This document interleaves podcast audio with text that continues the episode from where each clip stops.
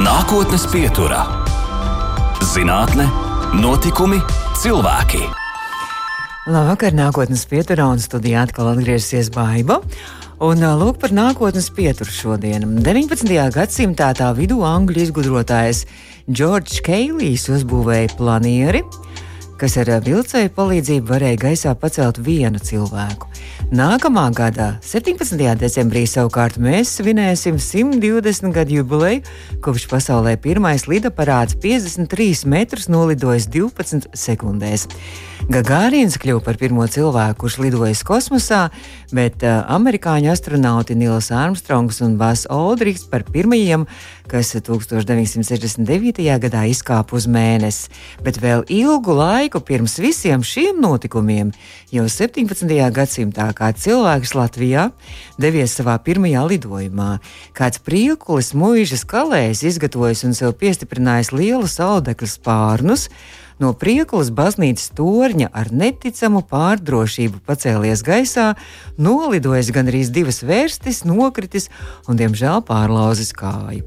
Nākotnes pieturā viesojas priekulas ikaru pārdrošo un lielo sapņu cienīgs pēctecis, Eiropas kosmosa aģentūras astronautu kandidāts, ambiciozā projekta Mars One dalībnieks, projekta pirmie Latvijas 100 km kosmosā iniciators un vadītājs, zinātkārs centru Zino un kosmosa izziņas centra veidotājs, Latvijas kosmosa industrijas asociācijas prezidents Pauls Irbīns. Un Pauls saku, labvakar jums!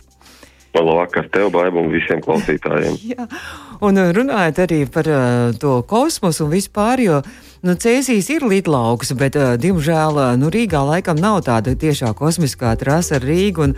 Šobrīd uh, Latvijas ziemotie ceļi tādi nu, ir kā ir, un tā kā mēs nolēmām, ka drošāk būs tikties attālināt, nevis mērot šo tālo kilometru ceļu, ceļu uz Rīgu šajā sniegotajā vakarā. Jā, tā ir sveiciens no Cēsīm, mazās Latvijas kosmosa galvaspilsētas.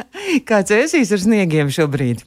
Ļoti traki. Sniegot tā, ka kalnu pāri, sniega kalnu sašķūrēt pāri galvai, bet uh, tāda kārtīga ziemas sajūta. Bet, Pāl, kā tad bija? Jo vakar parādījās tā ziņa, nu es nezinu, vai tā ir. Vakar tieši tas notika, arī vakar parādījās ziņa, ka izrādās, ka atkal no cēsu lidlauka startēs jau otrā lieljaudas raķete. Vai tas bija vakar? Tas ziņa, parāda, ziņa parādījās tiešām vakar, bet raķetes startēja burtiski pirms trijām nedēļām, kamēr mēs savācām visus datus, kamēr apkopājām visu video un, un palaidām ziņu uh, presē, bišķiņa laiks tomēr pagāja. À, tas nozīmē, ka, ka šis sniegotais laiks nu nekādīgi neiztraucēja arī tās raķetes lidojumu. Bet nu, par tām raķetēm, Pāl, jūs arī studējat uh, Rīgas Tehniskajā universitātē, doktorantūrā. Es saprotu, ka arī jūs studējat tieši astronautiku. Un, Aeronautiku. Aeronautiku, jā, tieši tā.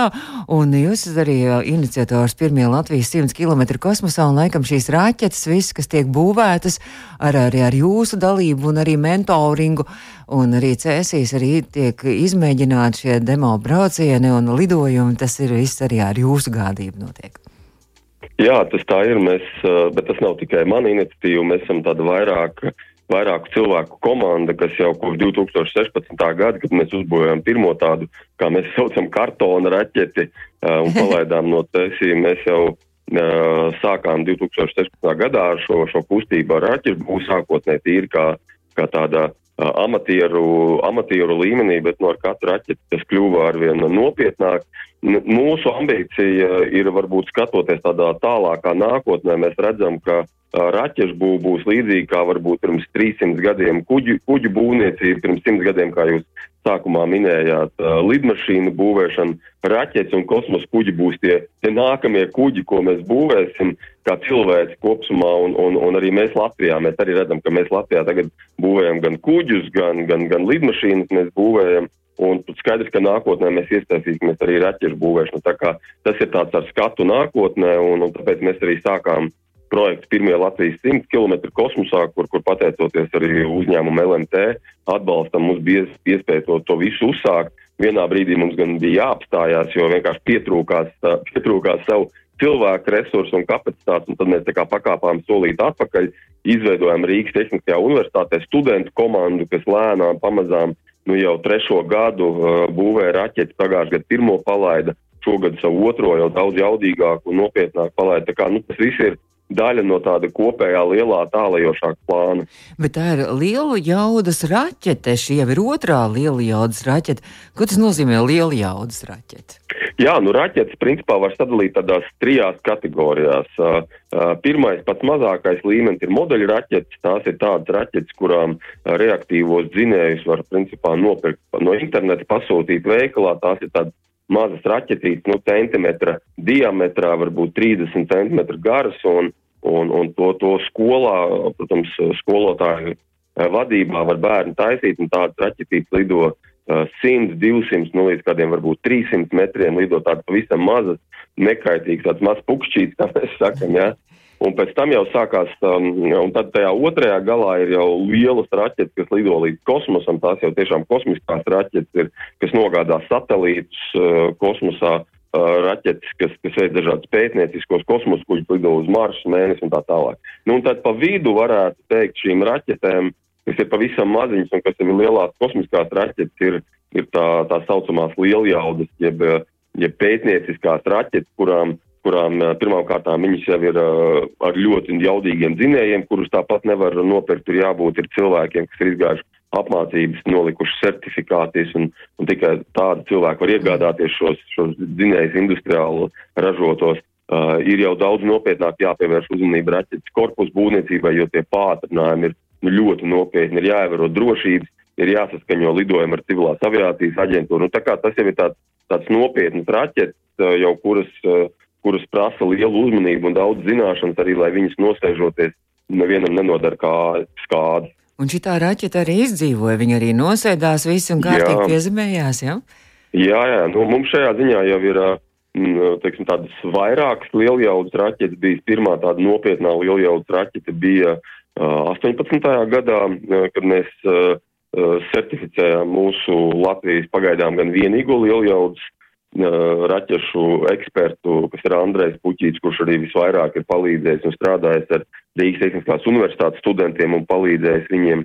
Tad mums bija pirmā raķeta, pēc tam pa vidu vēl bija dažas, dažas raķetes, un, un tagad pirms pusotra mēneša Andrejs Puķīts topošam tās kosmosa izziņas centram bija uzbūvējis tādu, jāsaka tā, kā minimums Baltijas valstīs jaudīgāko lieljaudas raķeti. Tik liela un jaudīga un sarežģīta raķeta nav ne Lietuvā, ne Igaunijā cik mēs zinām, pat arī Somijā un, un, un mm. pat Norvēģijā un Zviedrijā tādu uh, raķetes nebūvēja, parasti viņi pērk kaut kur no malas. Tā kā, nu, tas, tas bija tāds ļoti nopietna raķete, ko, ko, ko mēs šeit Latvijā uzbūvējām. Tad kosmosa izziņas centra sadarbībā arī tur studenti iesaistījās, Andrejs Puķis strādāja. Tā jau ir tik tāda nopietna, ar kuriem pat jau var veikt dažādas zinātniskos eksperimentus. Viņi lido līdz pat trīs kilometriem, tā kā tā, tās ir tev tāds nu, ļoti nopietnas pieteikums starptautiskā mērogā. Tā kā mums ir iemesls tiešām lepoties, un uh, droši vien tad arī nevelt arī dibināt Latvijas kosmosa industrijas asociācija ļoti ambiciozi izklausās, ko mēs varam uh, no Latvijas, no mazās Latvijas, kā mēs varam cerēt nokļūt kosmosā. Jā, nu mēs, nu, pirmkārt, nevajag teikt, ka mēs esam mazi, un nevajag baidīties no tā, ka mēs lidojam kosmosā līdzīgi kā Krišāns Valdemārs. Vairāk, vairāk nekā simts gadiem teica, brauciet Latvijas jūriņā. Ja? Viņš tā teica ne jau, ne jau tāpēc, ka. Ne jau tāpēc, ka tam vienkārši tas ir kaut kāds, uh, kaut kāds smuks piedzīvojums vai tajā kaut kāda romantika, tam ir ļoti praktiski saimnieciski mērķi. Tāpēc viņš teica, brauciet Latvijas jūriņā, krājiet naudu pūriņā, ja, tā kā ar domu, ka tādā veidā mēs varam pelnīt. Kosmos ir tieši tāda pati nozare, ar ko mēs varam pelnīt, un, un mums īstenībā mēs ar kosmosu nozaru Latvijā pat varam lepoties, pat varbūt vairāk nekā tas ir Lietuvā un Igaunijā. Mums no iepriekšējā gadsimta, teiksim, vēstures ir ļoti spēcīga akadēmiskā bāze augstskolās, institūtos, zinātnieki, profesori, kas ir piedalījušos raķešu būvē, cilvēku tā paša Jurīga Gārina sūtīšanu kosmosā, mēnesis misijās, Mars misijās. Mums ir ļoti, ļoti spēcīga Eh, teiksim, zinātniskā bāze, un tagad eh, patiesībā Latvija, pateicoties arī dalībai Eiropas kosmosa aģentūrā, mēs kā Latvija esam Eiropas kosmosa aģentūras mhm. dalībnieki, eh, un, un, un, un mēs varam piedalīties mūsu uzņēmumu, mūsu zinātnieki var piedalīties lielās starptautiskās misijās. Divas tādas ļoti veiksmīgas misijas ir, kur, kur, kur ne lietuvieši, ne igauņi nav nav tikuši iekšā viena uh, Eiropa kopā ar, ar Ameriku un, un citām valstīm būvēs tādu mēnesi orbitālo staciju. Līdzīgi pašlaikā ir tagad orbitālā stacija, kas ap Zemi riņķo, uh, tāda pati riņķos arī ap mēnesi. Un viens no Latvijas uzņēmumiem būvēs ļoti kritisku elementu, tādu degvielas sūkni.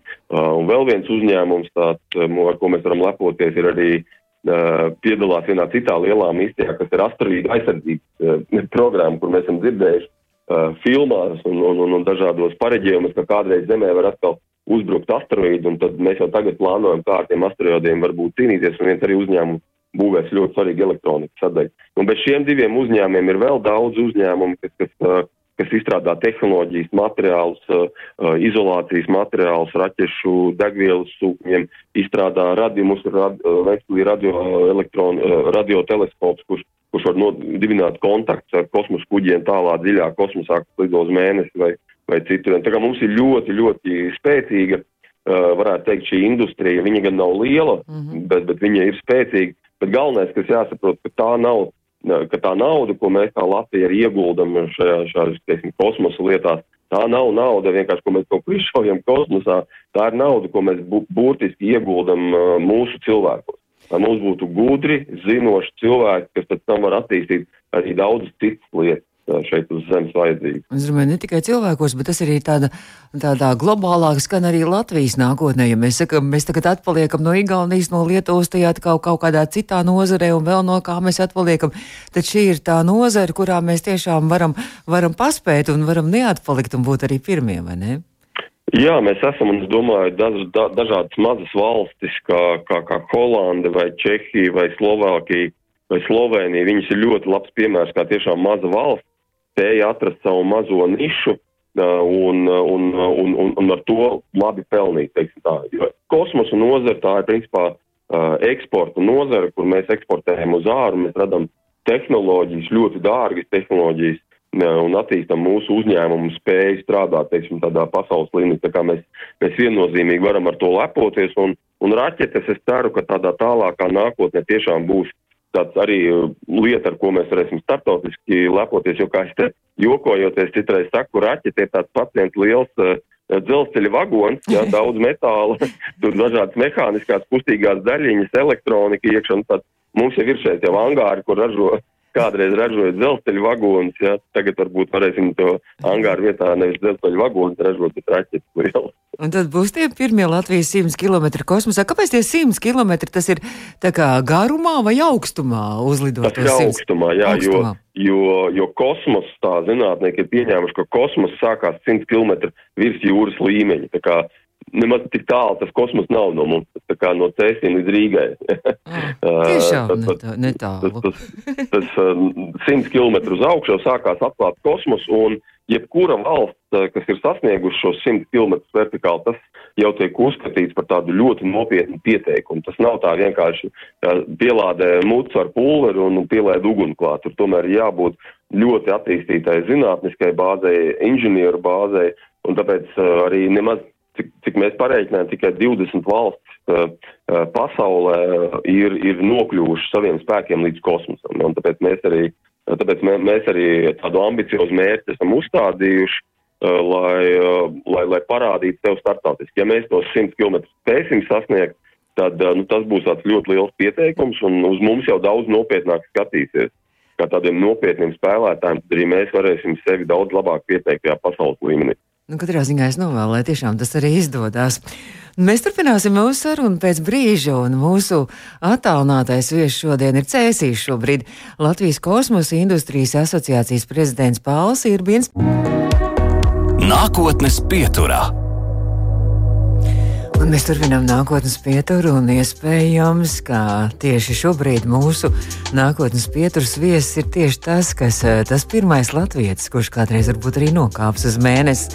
Latvijas kosmosa industrijas asociācijas prezidents Pāls Irbins. Pauli, ir tādi sapņi jums bijuši arī ja, par to astronauta misiju un arī par uh, Marsu One, kur arī uz Marsu varētu arī doties. Nu, tas ir jā, tāds, laikam, kā saka, bērnības lāsts. Un tad bērnībā tie sapņi, kas rodās, no tiem ir ļoti grūti tikt vaļā. Un, protams, vienmēr esmu sapņojis uh, lidot kosmosā. Joprojām varbūt sapņoju, kaut gan apzinos, ka mans vecums uh, tādai formālai lidošanai, kā kļūt, kļūt par Eiropas kosmosa aģentūras astronautu, tur man varbūt to iespēju vairs nebūs. Nākamā, nākamā atlases kārta būs tikai pēc kādiem pieciem, septiņiem gadiem, un tur jau vairs tādu vecumu cilvēku nevarēs pieteikties. Kā mēs tur jokojamies, draugiem vienkārši atliek, atliek pašiem uzbūvēt raķeti un tad vecumdienā uzlidot. Bet nu, tas bija pagājušajā vasarā, laikam, pagājušajā gadā, kad, kad jūs startējāt šajā Eiropas kosmosa industrijas aģentūrā, Eiropas kosmosa aģentūrā, un kur bija milzīgs, laikam, konkurss. Es nezinu, tur vairāki desmit tūkstoši cilvēku startēja, un jūs tomēr izturējāt tikai līdz otrajai kārtai. Jā, Eiropa, līdzīgi kā Amerika, arī reiz desmit gados izsludina pieteikšanos, kur jebkurš pilsonis var kļūt par astronautu. Var pieteikties astronauts nav tikai zinātniekiem vai, vai pilotiem, jebkurš var pieteikties. Latvija atkal pateicoties tam, ka bija Eiropas kosmosa aģentūra dalībvalsts, arī varēja pieteikties. Uh, kopsumā pa visu Eiropu bija 22 tūkstoši, nemaldos, cilvēku pieteikušies. No Latvijas bija 81 cilvēki pieteikties. Tā kā tas bija tāds ļoti labs rādītājs pēc pirmās reizes, uh, un, un, un ar dažiem no cilvēkiem mēs pat, um, es uzņēmos tādu mazu iniciatīvu un uzrunāju visus tie, kas grib pieteikties, lai arī mēs it kā būtu, it kā mēs savstarpēji bijām konkurenti, bet uh, es ļoti labi apzinājos, ka jo vairāk latvieši savstarpēji viens otram palīdzēs un sadarbosies, jo vairāk viņi tiks tālāk, jo vairāk viņus pamanīs, jo vairāk arī Eiropas kosmosa aģentūrā mūs nopietnāk uztvers. Un, un jāsaka, tā bija ļoti laba ideja. Man sanāca uzrunāt pat um, Eiropas kosmosa aģentūras astronautu atlases vadītāju no 2009. gada.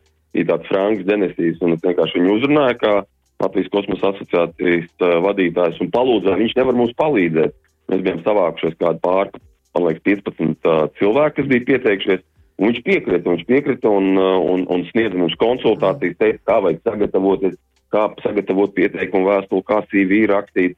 Un mēs, mēs regulāri ar viņu tiekoties ļoti daudz, uh, ļoti daudz uzzinājām, un, un tas arī mums palīdzēja šajā atlases kārtā. Pirmā atlases kārta ir visgrūtākā, kad no šiem uh, visiem 20 tūkstošiem tikai uh, 2% tiek tālāk. 2000 cilvēki tik tālāk uz otro kārtu. Nu, jāsaka, jā, pateicoties tam, kā, kā mēs viens ar otru tur strādājam, arī uh, mums, mums bija iespēja vairākiem cilvēkiem tikt uz otro kārtu. Uh, tālāk gan tika tikai, ja nemaldos, uh, viens vai divi cilvēki no Latvijas.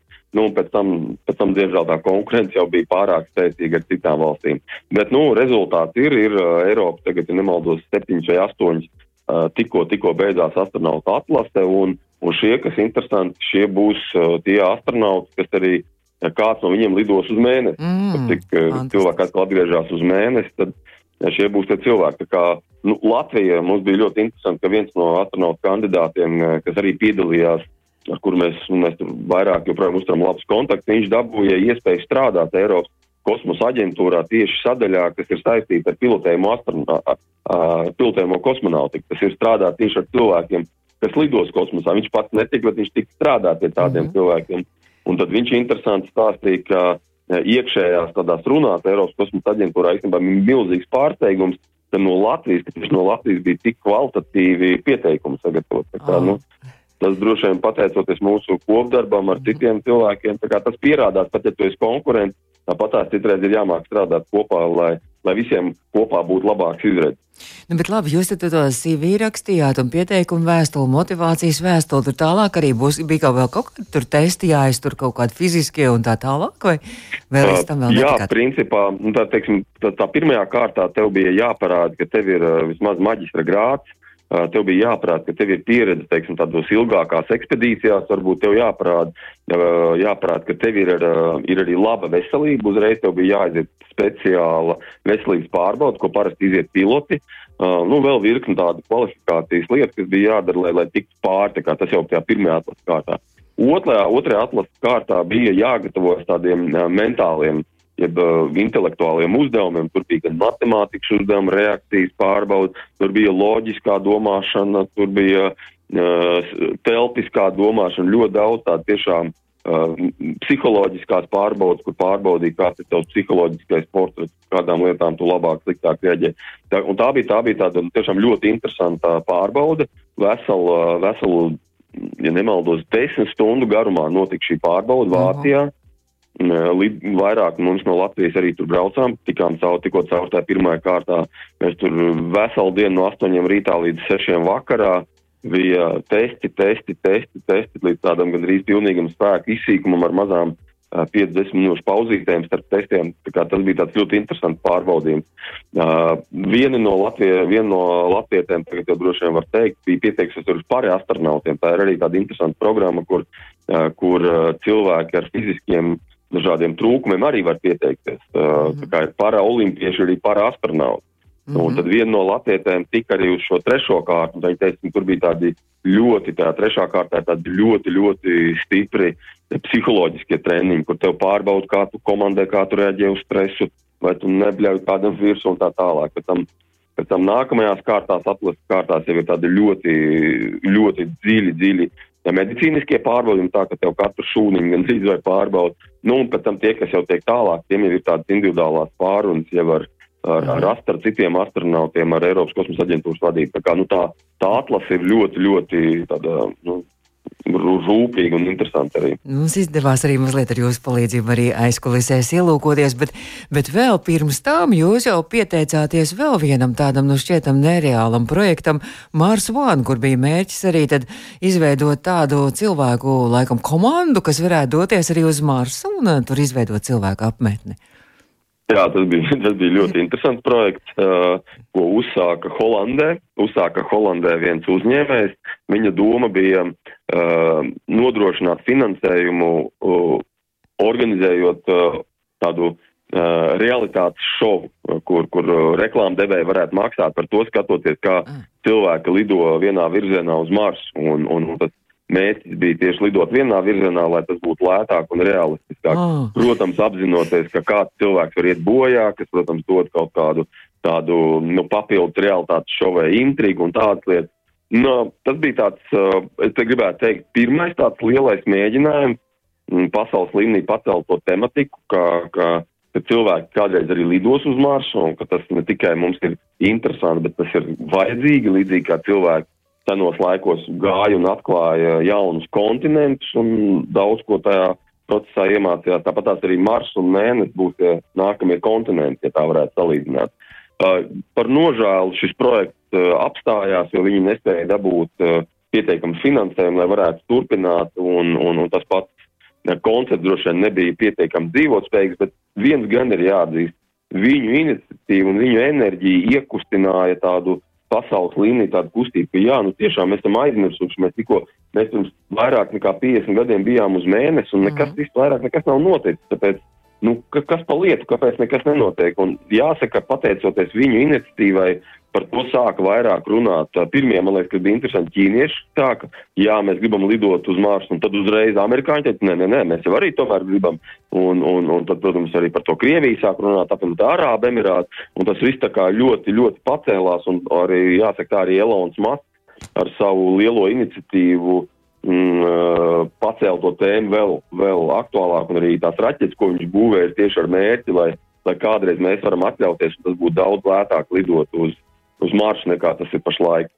Bet kāpēc cilvēks vēlas nokļūt uz mēnesi, uz Marsu? Tas ir tā romantiski, tas ir kā piedzīvojums, kā ekskursija, vai tur ir arī kaut kādi citi nolūki un arī mērķi? Kāpēc nu, tam, ir, tam, ir, tam ir ļoti jāsaka, tam ir, es to esmu arī pētījis un domājis, nu kas, kas tas ir, kas tas mums tur dzen uz priekšu. Un papētot, mazliet palasot arī literatūrā, jāatzīst, ka tas ir tāds dziļi ģenētiska tieksme īstenībā. Līdzīgi kā pirmie cilvēki bija Āfrikā, Viņi, viņi uzdeva, nu, kas tur aiz tā kalna, kas tur ir tā tūkstneša, vai kas tur ir tā, tās upes vai tā kanāla, kas tur ir, kas tur ir. Un tas viņus tā kā dzina ārā tā vietā, lai paliktu Āfrikā, kur, kur ir silts, kur ir ēdiens, ja, kur, kur mm. viss ir mhm. kārtībā, cilvēki tā kā tomēr uh, līd ārā no tās Āfrikas. Un tā pamazām, pamazām, bet, bet jāatzīst arī, ka tas nav tam nav jābūt katrā cilvēkā. Tie interesanti, pētī, interesanti pētījumi saka, ka ir apmēram uh, sabiedrībā 20% tādu cilvēku, nu, kurus sauc par duliem daukām vai, mm vai kā savādāk, kas mēģina skatīties, kas tur aiz apvāršņa, bet ar to pietiek, ar to pietiek, lai, ar to pietiek, lai mēs kā sabiedrība iet uz priekšu, lai, lai, lai varētu attīstīties, lai meklētu kaut ko jaunu. Un tā ir, tas ir, tas ir jaunais apvārsnis, kas, ko mēs iesim skatīsimies, būs ļoti daudz izaicinājumu, bet manuprāt, tam, tam būs ļoti liela ietekme arī uz to, kā mēs dzīvojam uz Zemes. Gan sākot ar teiksim, tehnoloģiskām lietām, ka mēs izdomāsim labākus, izturīgākus materiālus, labāk kā enerģiju ražot, jeb, jeb labākus, izturīgākus apģērbus un tā tālāk.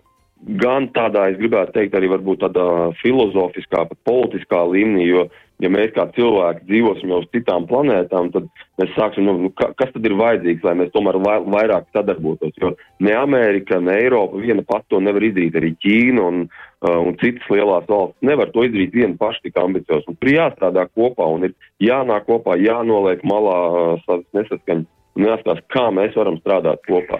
Vismaz, teiksim, Eiropas līmenī tas ir labs, teiksim, šī kosmosa joma ir labs pierādījums uh, ka cilvēki no dažādām valstīm var strādāt kopā. Eiropa un Amerika un Kanāda arī tas ir izaicinoši, bet viņi mācās strādāt kopā. Katram var būt savi kaut kādi politiskie uzskati, bet nu tik un tā strādā. Un tas arī, manuprāt, būs teiksim, tāds liels iegūms mums kā sabiedrībai, ka mēs tomēr mācīsimies vienā, viens otrā ieklausīties, sarunāties. Uh, arī strīdēties, iemācīties vajag. Jā, tās ir arī tādas būtiskas lietas. Katrā ziņā varbūt jūs arī tagad mūsu klausītājs kādu jauno paudzi arī iedvesmojāt, ka vajag sapņot tos lielos sapņus un domāt, un varbūt arī, kad būs nākošā iespēja pieteikties atkal šādai misijai, tad, tad varbūt arī kāds vēl pievienosies arī jums un šiem sapņiem.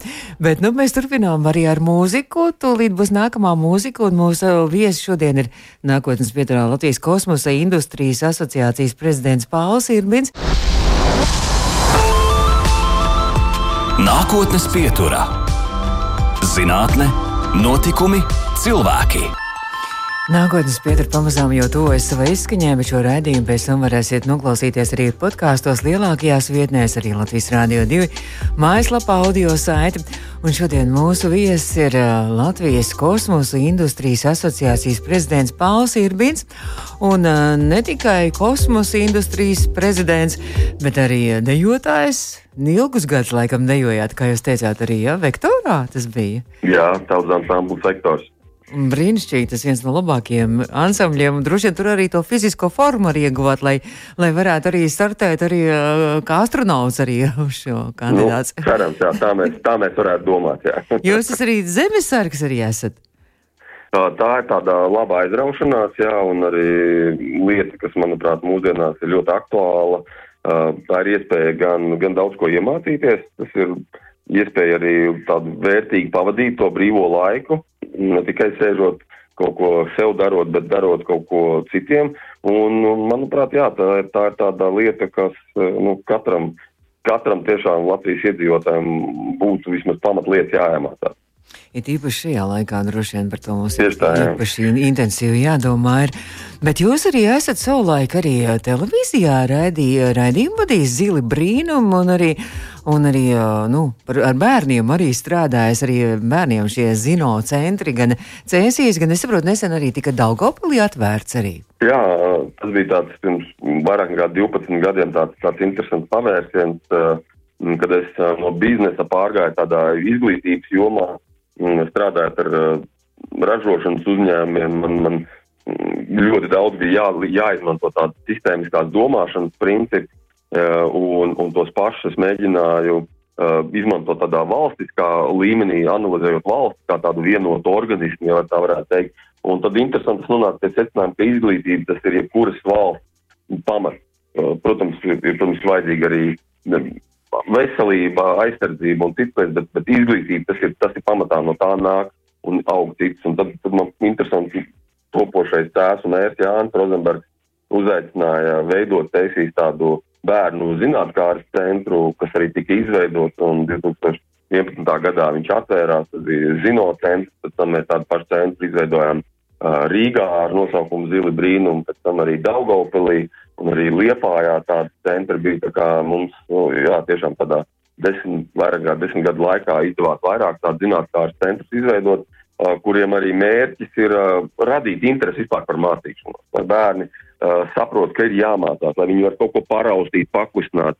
Tas ir tāds tā kā pamats, lai bērni skolā labāk mācītos, lai viņi saprotu, kāpēc jāmācās, lai viņiem, lai viņiem vien radītu aizraušanos, vienam varbūt ar raķetēm, citam ar mašīnām, citam ar, citam ar medicīnu un tā tālāk. Un tā kā tā, tādi zinātnes centri, ja zinātkāras centri, viņi visā pasaulē tieši ar mērķi arī, lai, lai bērns interesētu, bet arī, lai ģimenes varētu kopā interesanti jēgpilni pavadīt laiku, aiziet un tad kopā izpētīt, un, un ja bērni redz, ka arī vecākiem ir interesanti, tad arī, tad arī bērni pēc tam to vēl vairāk darīs. Arī vecākiem tā ir iespēja atpūsties un vēl kopā pavadīt laiku ar bērniem, kā saka, tā kā, nu tas mm -hmm. ir tur mhm. Man liekas, Visi, trīs vienā. Es skatījos, arī laikam televīzijā bija arī tāds maziņš sižets no šī Daugavpils centra atklāšanas, un tur tiešām nu, bērniem acis mirdzēja, un, un izskatījās, ka viņi ir vienkārši sajūsmināti, un tā droši vien ir tieši tā, tāds veids, kā bērniem arī, nu, tā nepiespiest iemācīt mācīties, un arī zinātkāriem būtu arī gribēt zināt arī droši vien. Jā, nu pat nevis piespiest, bet uh, mot, radīt mm. viņos šo interesi, radīt Jā. to attīstīt mm. to dzirksteli, un, un, un emocijas uh, ir, ir ļoti labs veids, tāpēc arī šis raidījums televīzijā Zili brīnum, tas bija tāds mēģinājums, mēģinājums radīt bērniem interesanti. Viņš joprojām ir YouTube pieejams un bērni joprojām viņu skatās. Un tagad es pat redzu, ka uz ielas nāk klāt kāds bērns, kas vairs nav bērns. Oh. Šak, jā, es toreiz skatījos, es tev atceros. un, un tas ir ļoti patīkami. Man gan jāsaka, tas, tas nav mans amploā, es to sapratu, bet es arī sapratu, ka, ka tas bija kādam jāizdara un tāpēc ar tādā lielu piepūli bet nu, šis raidījums uh, tika realizēts, pēc tam arī uh, viņš, uh, arī citi raidījumi līdzīgi ir bijuši, kā, un, un tagad uh, arvien vairāk tādu raidījumu parādās. Tā kā, nu, man prieks, ka, ka mēs ar kolēģiem to iekustinājām Latvijā. Kas tagad ir nākamais tāds, kas, kas varētu būt tāds jūsu izaicinājums, vēl, ja mēs varam tā noslēgt mūsu sarunu? Nu, galvenais, mans pēdējais izaicinājums bija kosmosa izziņas centrs, ko mēs veidojam Cēsīs. Uh, tas ir arī līdzīgi kā kādreiz bija Zinot centrs vai Zili brīnumi vai, vai tā, aha, centrs startu Igaunijā. Um, šis centrs būs tāds lielākais kosmosa uh, izglītības izpētes izziņas centrs vispār Ziemeļa Eiropā, visā Skandināvijā. Tādu centru nav ne pat ne Polijā, ne tuvākais ir kaut kur Vācijā. Uh, Maskavā viens ir tuvākais, un, un vēl viens maziņš ir tālu ziemeļos Norvēģijā. Tā kā mēs būsim, tas būs tāds lielākais centrs tēsīs, kas, kas veidojās, uh, kur, kur, kur ģimenēm būs iespēja atbraukt, piedalīties dažādās uh, misijās, pašiem kopā izspēlēt dažādus uzdevumus. Uh, nu, tas ir ļoti nozīmīgs, es domāju, notikums būs ne tikai šeit. Uh, Latvijā, bet arī tādā nu, visā Ziemeļā Eiropas līmenī. Nu, man jāsaka, liels paldies, Pauli, ka jūs mūs iedvesmojat šajā vakarā. Latvijas kosmosa industrijas asociācijas prezidents Pāls Irbins Es saku lielu paldies, Pauli, laimīgi jauno gadu un paldies, ka jūs paldies, atvēlījāt laiku mums nākotnes pieturā. Paldies! Izskan nākotnes pieturā.